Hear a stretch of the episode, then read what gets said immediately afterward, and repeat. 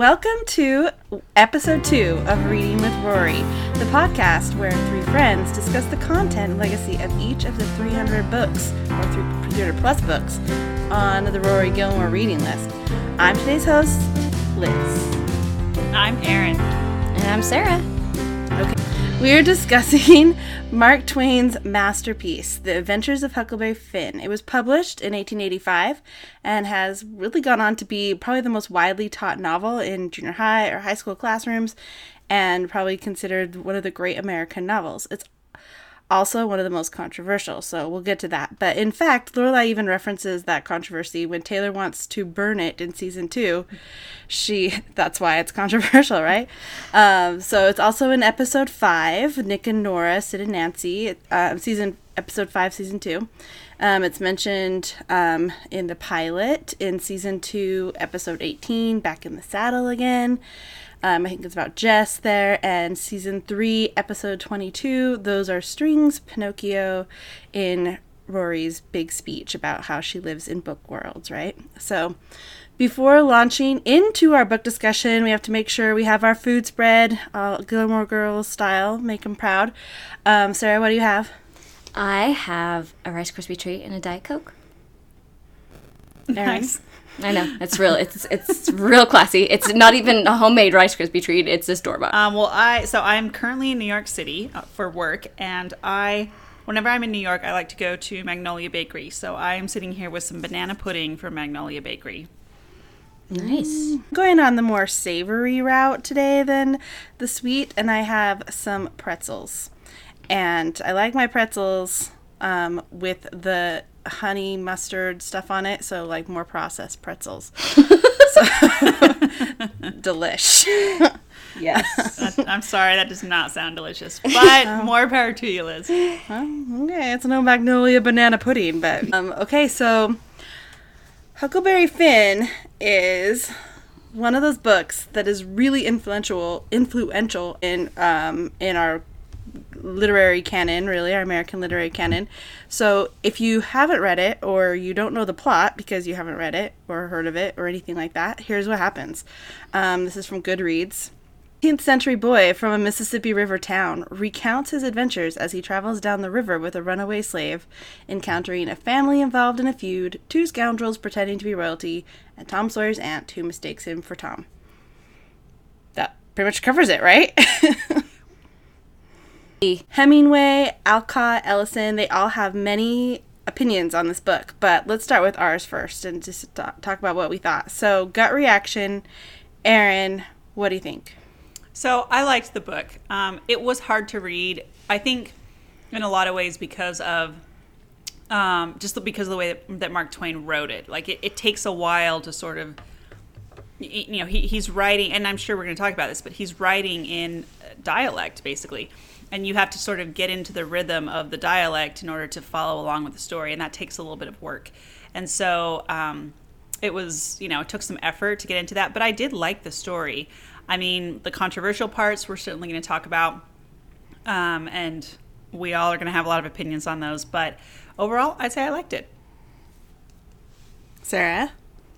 I liked it too. I um, this was the first time I read read it. I listened to it, um, previously as on a road trip through Missouri was very appropriate. And um, and I I thought the experience of reading it was really a great one. Um, like Erin said, it is um, it takes some adjusting to get used to the kind of colloquial aspects of, of the way he's written it, but I thought it was really powerful. I thought it was really vivid, the episodes on the river and the characters, and um, I just I, I really uh, was drawn into it. I really enjoyed enjoyed it. I think it's a fun read, and uh, I mean, obviously, a great read, but just an enjoyable one as well. Yes, I would agree with both of you. I actually I think it's really funny. I mean, there are times in that book where I was laughing out loud. and I mean, I know what's going to happen. It's just the way those characters react to each other and the circumstances they're in and then Twain's just he's got some bite to him and I think it's fun. I love I love a good satire. So I I was all in this book. I like it. So, I think let's give it a rating, right? Uh, average rating is on Goodreads 3.81 out of 5. So we'll see where we're at, right? Okay, so on a scale of 1 to 5, 5 being the best, like can't stand how good it is, how many stars would you give this book? I mean, I would definitely give this one at least a four, depending on how attainable five a five is. It might be a four or 0.5, but it would be somewhere in that range. Okay, good. Sarah? I'm gonna echo Erin again. I think that it, yeah, I wouldn't necessarily go all the way to five. I think the end, um, you have to dock it some points for the end. The last chapter is just a bit of a head scratcher, but on the whole, as you know, taken as a whole, it's pretty um, staggering piece of work. So I'm gonna go ahead and give it a 4.5. All right, all right. I am.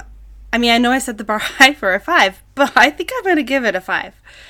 I mean, Wow. I know. I I like. I really love this book. I think Twain does a good job um, keeping you, you know, uh, keeping you into this into this story where they're going down a river where you wouldn't think a lot happens. Right? There's all these adventures that are silly and it's just and also poignant. Right? So anyway, I just think it blends it all really really well together. So. Yeah, I mean, I can't really think of a flaw in it except I guess that last part, but that's not necessarily a deal breaker for me. So five. All right.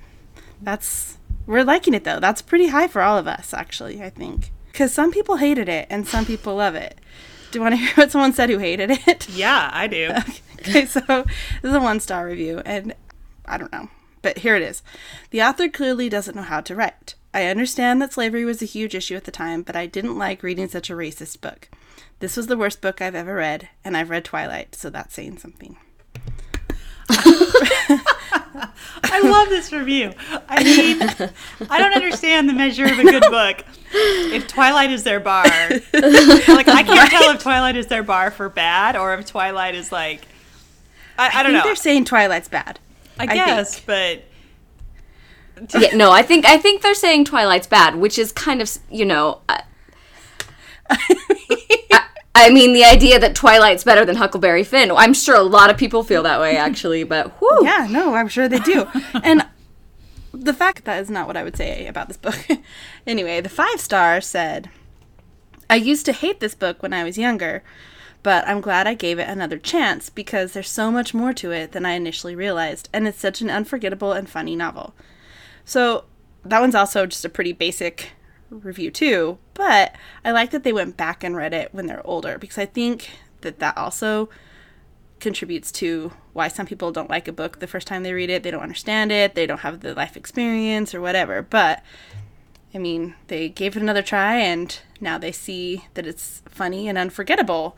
I mean, they didn't back it up with a lot of reasons, but they liked it. I like that they gave it another try. Well, oh, thi- that's the English English teacher in you stand- coming out. Oh, what? That I, they didn't back it up with reasons? yeah, All right. someone's grading some essays over here. well, I mean, tell me why you don't like it or tell me why you do. I don't know. Like, that's all. Well, I have to say that, and actually, perhaps we could give the one star reviewer a little mm-hmm. bit of slack here because I think that one of the benefits of, of this podcast and of sort of reading through this list is that there are a lot of books on this list that I really did not like in high school that I might even say I hated. Some of them I legitimately did hate. And going back and rereading them now, multiple years later, um, it it does bring a different tone to the way Yeah. that you read these books, and you have more life experience, you have more understanding, just more knowledge in general, and your ability to read and appreciate the book for what it is is uh, totally different than um, when you read it in high school. So it's possible that the one star reviewer could be the five star reviewer if they read it again. Like we don't know when the one star reviewer actually read Mark Twain. I was gonna make a joke and be like, "And here's the rest of the story," but it's not really the case. I don't know. So, Yeah, that would have been pretty great if it was the one star, if they were the same Like person. my my Paul Harvey twist, and I'm like, and it's actually the same person. no, that Just make it up. That's not the case. But I do think it's interesting to see. I mean, there's always going to be a broad range of opinions on a book, right? A book, um, especially especially one that's been around for so long. So and one that is legitimately controversial. I mean, this book, this book was not he was not sugarcoating much when he wrote this Mm-mm. book, and that is going to sway opinions in you know all yeah. sorts of directions. So mm-hmm. the fact that it's widely known, plus the fact that it is a pretty poignant book, like somebody mentioned earlier, it, yeah. it's gonna it's gonna sway people one way or the other. Yeah, agreed.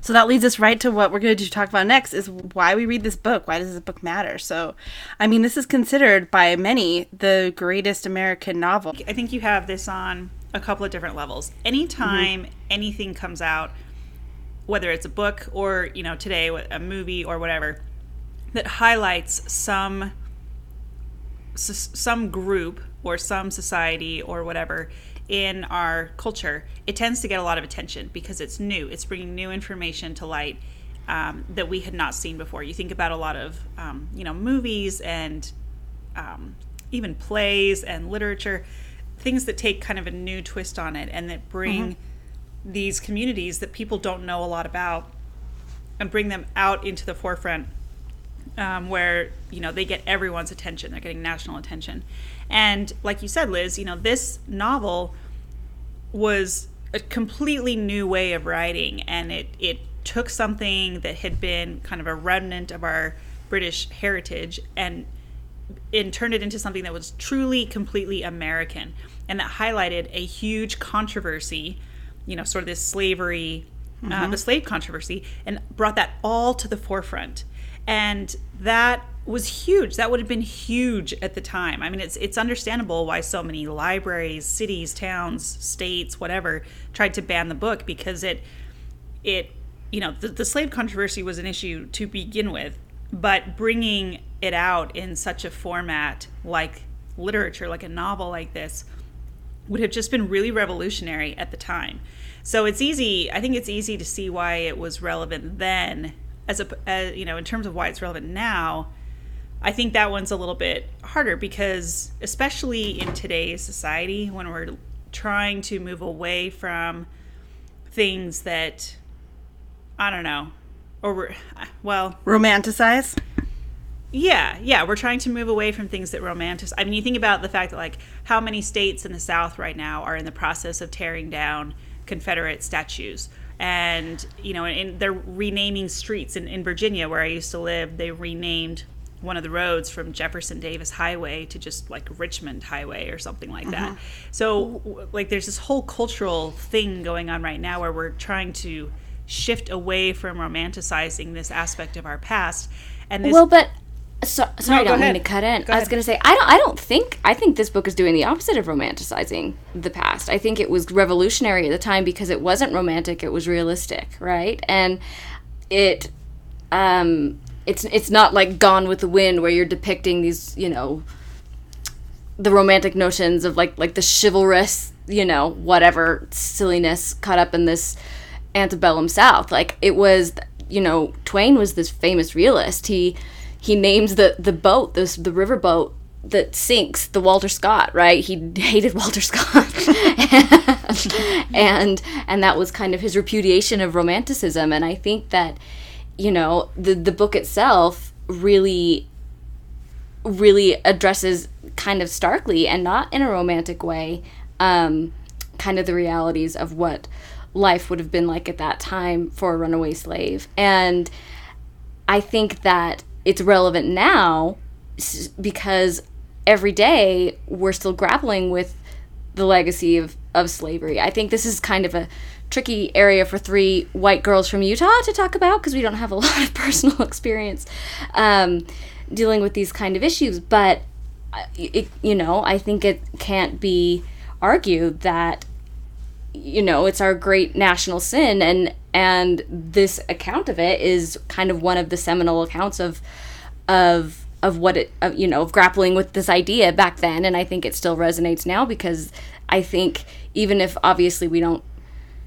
we don't talk about slavery the same way we did then, we're still talking about it. It's still always going to be part of our natural consciousness. And, um, and so I think in that way, it's still incredibly relevant to see, to help us understand what it was like then, helps us process, you know, how, how we address these issues now. And and Huck is grappling with you know the humanity of Jim throughout the book, and that's something that we're still very much grappling with as we deal with race relations in this country is just the basic humanity of people, you know? And so I think it's it's incredibly relevant still. Yeah, those are some really good points. I love in the book when Huck says they are after us when someone's chasing him, and instead of saying like he puts himself in the same on the same raft on the same boat literally as Jim, right? And so it took a took a shift and he changed his character changed over time. And i think that's one of the reasons this book is so powerful is because you see a character change and grow. And he he grappled and struggled with how how to see people and how people act. Not even just jim but even all the people he encountered as he went down the river right? Just all these different situations and he had to like come up with his own way of thinking about what it looked like and what it said about society and he had this sort of naive narrator sort of aspect that he had going that works well and he grapples with those moral questions and those broad themes that I think we still himself with Jim, and yeah, that's powerful. So. Well, and I think that, uh, and and Sarah, to your point, like that's ultimately where I was going. I think that the relevance yeah. of this book is that it it highlights the reality of of what was going on back then and doesn't romanticize it. And I think, yeah. like a lot of the books on the Rory Gilmore list are books that do that have that are some sort of odyssey for the mm-hmm. people mm-hmm. the characters who are going through them and those books are so interesting because totally. like this is one of them um, as i lay dying is another one like there are several books where it's kind of the progression of the characters and the development or lack of development of the characters who are going on these kind of epic journeys and i mean this is just a classic story as they're going down the river mm-hmm. with um, you know as, he, as Huck is going down the river with Jim and uh, Liz I, I think your point is right on that you know Huck has a lot of personal growth that happens throughout this just in the way that he sees Jim and the way that he sort of starts to identify his place in the world and Jim's place in the world and some of the discrepancies and the the tension that exists between how he views the place his place and Jim's place and how the rest of the world views Huck's place and Jim's place. And I think a lot of people, I think today, like we still go through that in um, so many ways in our own societies. It doesn't even have to necessarily be race relations, but so many times in our own communities, there is, uh, you know, like unconscious bias or in our workplaces or whatever of, in some fashion. And at some point, all of us have to grapple with that when we see it and when we start to think through is it right and how, what do we do about it? What is our place when we experience unconscious bias on one on whether we're on the huck side or the jim side? Um, but i think we all go through that and so i think that alone makes this book still relevant. You know at the very end where he's like i guess i'll go to hell then right? I mean to just abandon like what the societal norms are really or what other people think to change that's pretty powerful right? Because that's him acknowledging the fact that like if this is what society is requiring of me, I don't see how I can do that, right? So I'm gonna I'm he abandoned that whole and I think not just religion necessarily, but just what society sees as right and wrong. Um, he he grappled it with on a moral level, which is still something we have to do today too, right? Like with that critical thinking aspect of it that is so I think doesn't yeah, go away. That doesn't go away. I think that, you know, that happens. That was something that stood out to me um, throughout the book. It's not only, you know, that famous point at the end where he does make that decision that he's he's going to save Jim and it doesn't matter what happens if he goes to hell, but he's he's observing throughout the book, through all the characters, you know, this there's this struggle with right and wrong and and he's thinking about it and and working through it and um, you know, kind of what is it the Shepherdsons, the family that he goes mm-hmm. to stay with, and then talks about how they're quality people and they they come from this, you know, and they're you know these quote unquote civilized people, but they're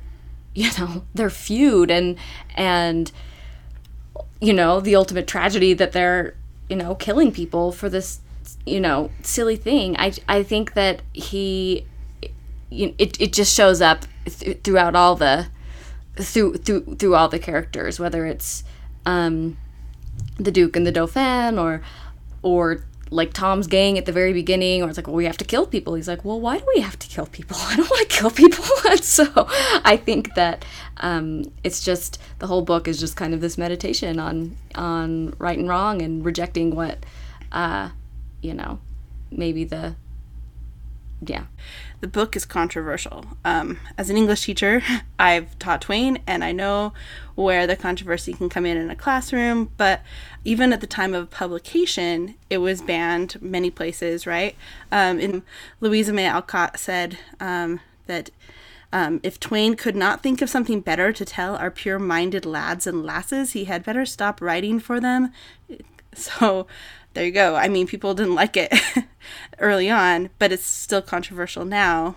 I mean, do you guys think it, is it still is it still banned in places today? Oh yeah.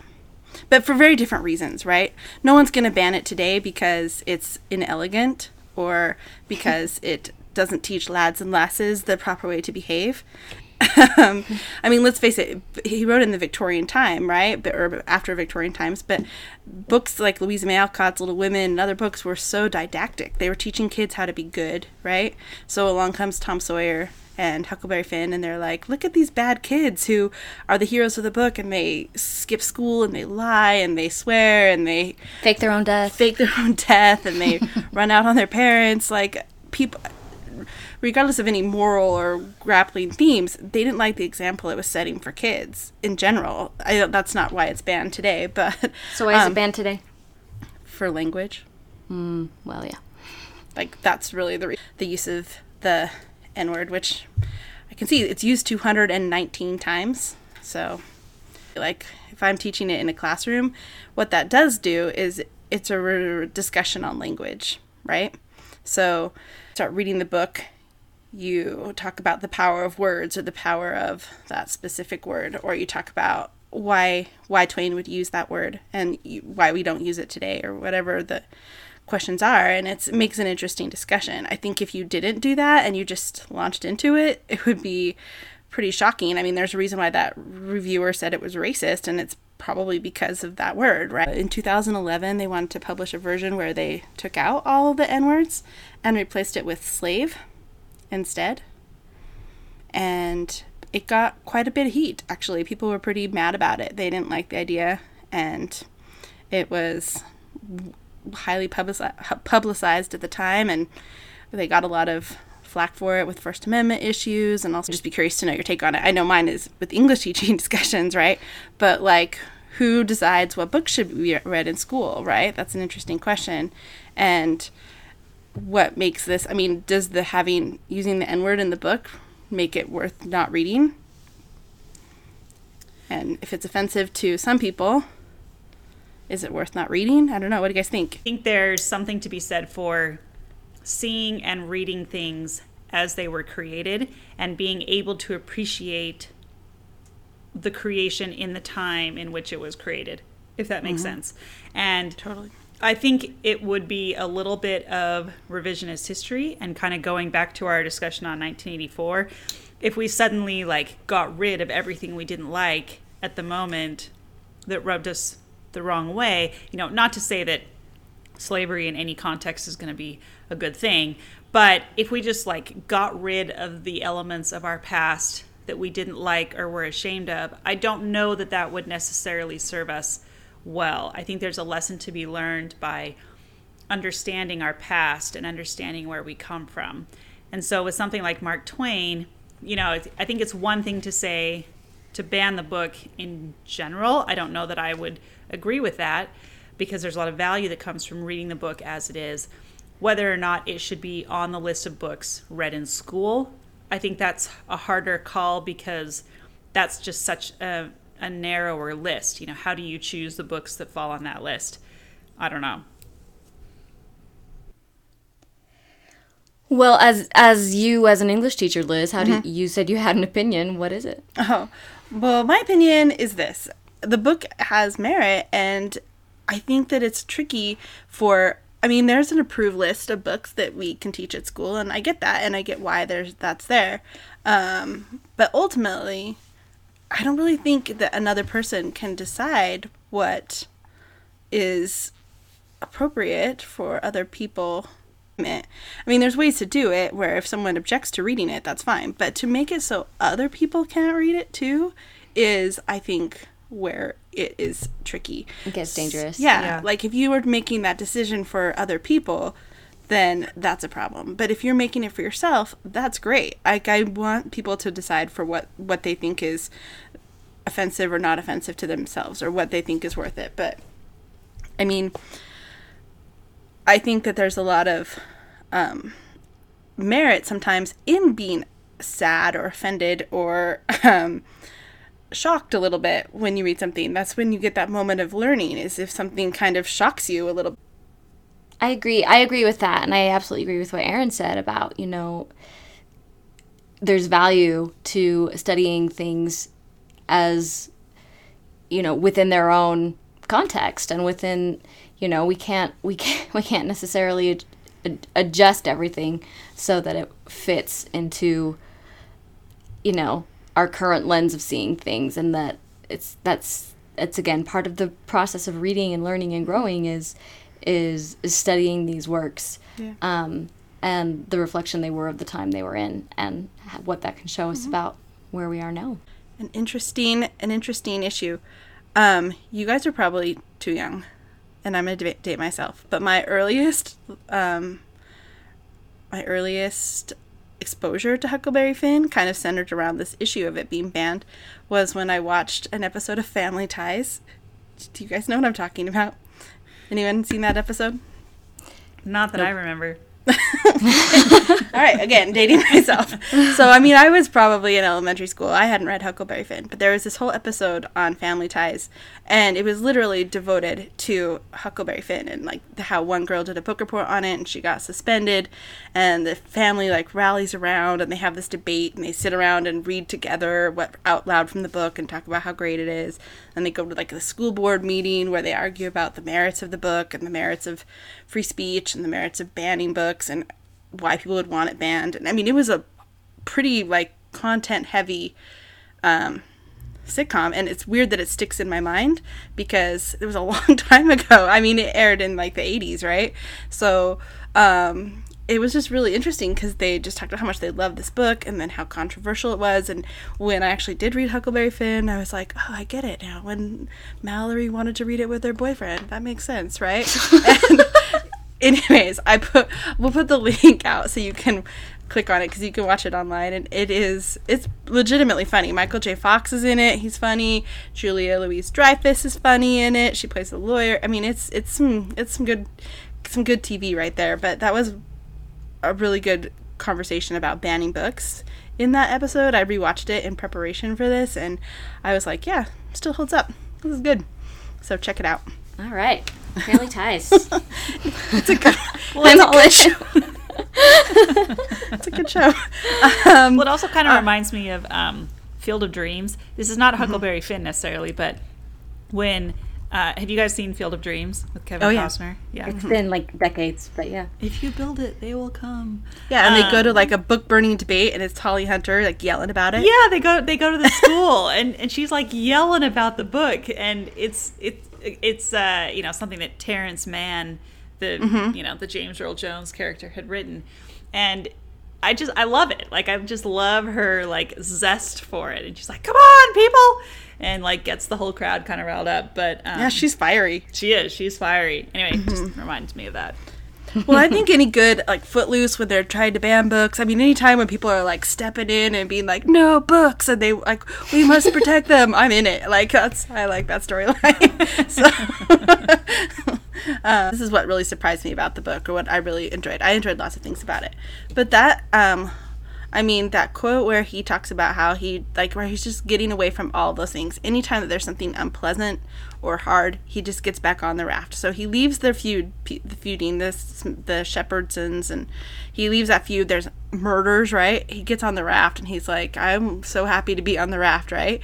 And I think the quote said. Um, We aren't no home like a raft after all. Other places do seem so cramped up and smothery, but a raft don't. You might feel mighty free and easy and comfortable on a raft.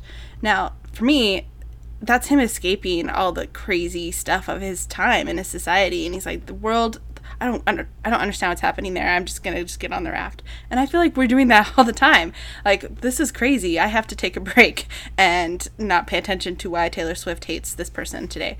But uh, you know, you can just kind of separate yourself from it a little bit and I found that kind of interesting how well Huck could take himself away from all the different things like get jump in the middle of it and then just get back on the raft and it was his haven.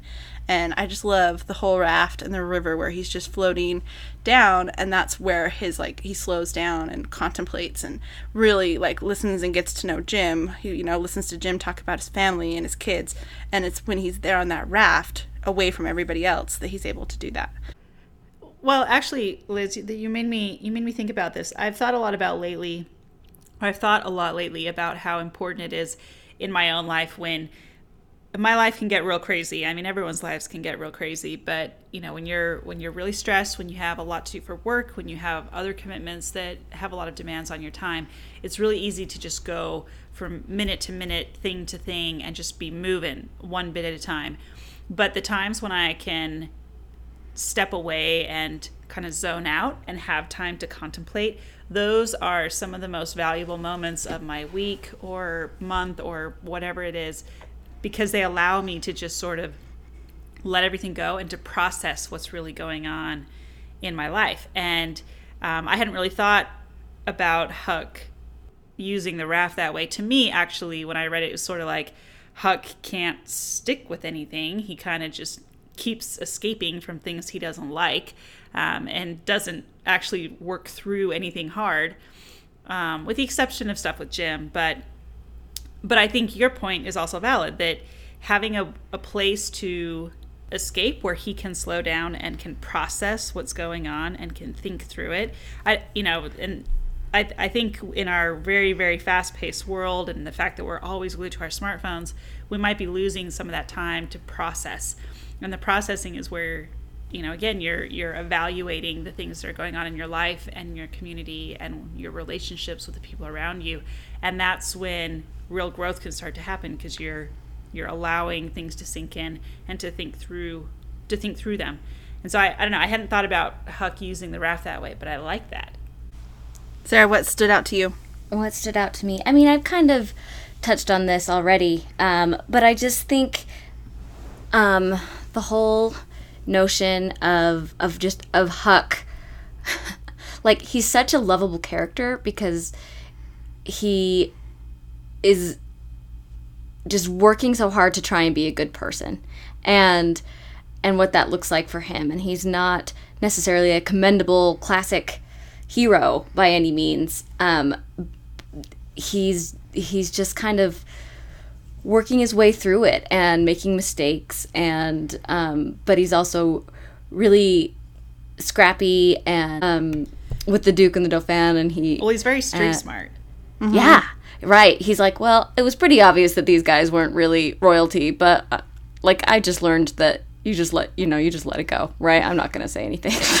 so, um, he's like, it's just better to let them have their way, and or he's um, gonna let Tom do his thing. Oh, Tom has this crazy plan. I know it's oh crazy. I'm just gonna let him do it. I know, and I was like, man, Huck, that takes some patience because t- Tom was driving me crazy at that point.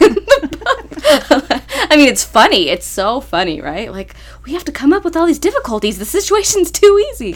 but um, but Huck is just uh, you know he's just so sensible and so ultimately decent and um, he I, I just hit the whole i mean the whole narrative is just his kind of inner monologue of you know becoming a better person and um, you know i think that's what we're all kind of striving towards. It's so it was something that really stuck out to me and um, that i really enjoyed. Well i think huck i think huck is also like he he could easily be a champion for the people who take a different path. You know he he didn't want to take the society norm uh, the path, you know, the path that everyone expected him to take. But that didn't mean that he wasn't intelligent. It didn't mean that he didn't have, you know, goals or wanted or didn't want to contribute to society. He just wanted to go about it a different way, and which could lead to a whole conversation about, you know, the fact that society has kind of like one set path and if you don't follow that path it looks like you're not doing what you're supposed to be doing and blah blah blah um, mm. i mean you know we could go far down that path. But uh, but I, I think huck can be a champion for that because he shows that he you know he was intelligent he was thinking he was thoughtful about a lot of the things that he did. He just did them in a very non-traditional way I think if we were to actually see Huckleberry Finn, I mean, like in a modern context, like someone like that, right, who just bucks every rule, right, who doesn't want to use silverware, doesn't want to sit still, doesn't want like he just he, he won't doesn't want to go to school, he doesn't, he doesn't want to conform. Yeah, he doesn't want to conform we, we wouldn't know. You would judge him, I think, pretty hard. Uh, uh, not you guys per se, but I'm just saying in society. We would Sarah him, and Erin, you guys are so judgmental. You would see him and want to change him. and, and, but I just think if I saw him sitting in my classroom, you wouldn't know what was going on in his head. That that wouldn't come out. That would never. You would never even see that as an adult that's trying to civilize him and like the widow or Mrs. Watson who's trying to help him or Aunt Sally, right? All these people who are trying to help him don't see all that goodness in him necessarily. They're trying to fix him and they're trying to they they get mad at Tom for hanging out with them. And Tom Sawyer, it's like he gets punished because he spent time with Huckleberry Finn. So it's interesting that he plays such a good role, a good character, a good hero, a good yeah. protagonist. But yeah, I think really, it, it, we wouldn't see him that way in society. We'd see him as kind of the outcast, right? Sure. It just speaks to people's rich inner lives, right? Mm-hmm. And that you know we do tend to ascribe, you know, merit to people who have, uh, you know, education and money and status. The Duke and the Dauphin. Yeah. Give them merit.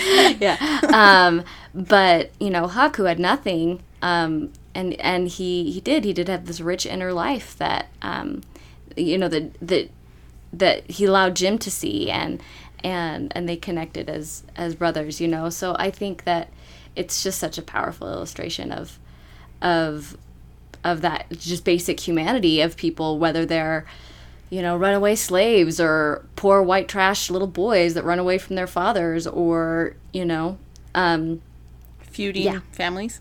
feuding families. Although, I mean, I do think he's making a statement. You know, there's really wealthy families that are, you know, like yeah, they on the outside they look just like what society wants them to look like, but they it's kind of this moral rot inside, right. you know. Yeah. Mm-hmm. But didn't you think that the sister that had the obituary poems like posted the house was super funny? I mean, I'm laughing out loud at that part. I, I think it's so funny, and he's like, "Huh, all right." and and Huck's like, "This was a very good poem." yeah. And he's like, "This house is so fancy and nice," and it's all right right? Shows what you know, right? I don't know. Um, culturally literate person is going to know Huckleberry Finn is about a guy on a boat in a raft on a river. Really, if you haven't read the book, you will um, know about it just because they mention it a lot of places, and there's tons of TV shows and movie versions of it. So let's talk about that. So. Uh, for TV shows, we have five different TV series since the, since this book has come along, there's an anime series of Huckleberry Finn. Um, I'd I will love confess, to see I've, the anime version of Huckleberry Finn. I know. Can you just imagine? No. um, they made a series in on CBS, um, like the Hanna Barbera, like Yogi Bear, and all the Hanna Barbera cartoons. Again, when I was reading about it, it mentioned that like to avoid all the controversy, they didn't mention slavery or really. I don't. I think that they just took slavery out of the whole equation. It wasn't even mentioned. Then was it so just it'd be interesting. on a raft? Like, what do you do with it? yeah. So like, it's this cartoon for kids, and they're like, "Look, we're on a raft," and they go have these adventures at all these places. But it, the fact that he isn't like running away from, he's not a runaway slave. Is an interesting thing to take out of the cartoon. That's all I'm saying. When was that show, that show made? That was in the 70s. And I did have the str- I, I there's like I said that Family Ties episode. It's a classic. Don't worry, she did make me watch it, and it, I'm glad she did because I was like, "This is a delight." you were laughing out loud. I was. It was funny. you were laughing out loud. Um, there was a little clip I saw from Family Guy where he's like talking about um, the controversial language in it, and they're on a raft, and it's I guess Family Guy funny. I don't know. I don't really watch it. Guy. That's its own kind If of funny, not kind of thing. necessarily actual, real, objectively funny. I mean, that's funny for some people. Um, there are 15 movie adaptations. Sarah, I know you want to probably talk about Tom and Huck with JTT. Oh, yeah. Erin, is that your bag too? there you go. now you're that's speaking our our, language. generation. Yeah. go, go, go. I mean, was that good? Well, seeing as I probably haven't seen it since the fourth grade, um, I'm gonna go with yes. I was probably. I mean, Well- it was. I also remember the the wishbone uh, take on Huckleberry Yeah, Finn. Those are always going to be out there. We should probably put those. we should have a wishbone segment because Um, the other movie I saw recently, uh, where they were talking about Huckleberry Finn, was Easy A, where they Yeah. talk about reading it and watching a movie, and it's an interesting reference. So there it is. There is a musical called Big River that came out in 1985. I want to say it was a Tony winner. Um, I've seen it on a stage here where they like float around on a river, and there's some really cool songs. So I don't know if you have any other um, pop culture references that you guys know about, but feel free to let us know. I'm sure there's ones that we have missed. Like I said before, if you can tell us those, we will let, let you know what they are on the next episode, and we'll fill in those gaps that we have missed. Our last question here What are we now going to do? What are we inspired to do? Sarah? well, first. me first. I think I'm inspired. As I was reading it, I kept picturing, like I said, been um, to Missouri, been to Hannibal, I've been to Mark Twain's home, um, and I don't think I really properly appreciated it. Wow. Oh, I did. It was a great trip. Go ahead. yes, yes. The English teacher and the family did appreciate it. I, I however, dragged everyone there. it was awesome. um, but I would like to go back and maybe just get a better sense for that sense of place, especially the river.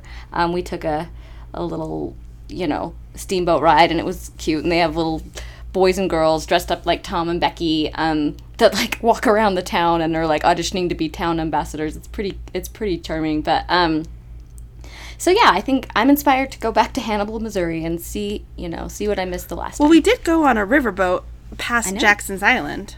I know. I'd say I want to go back and check it out It now. Yeah.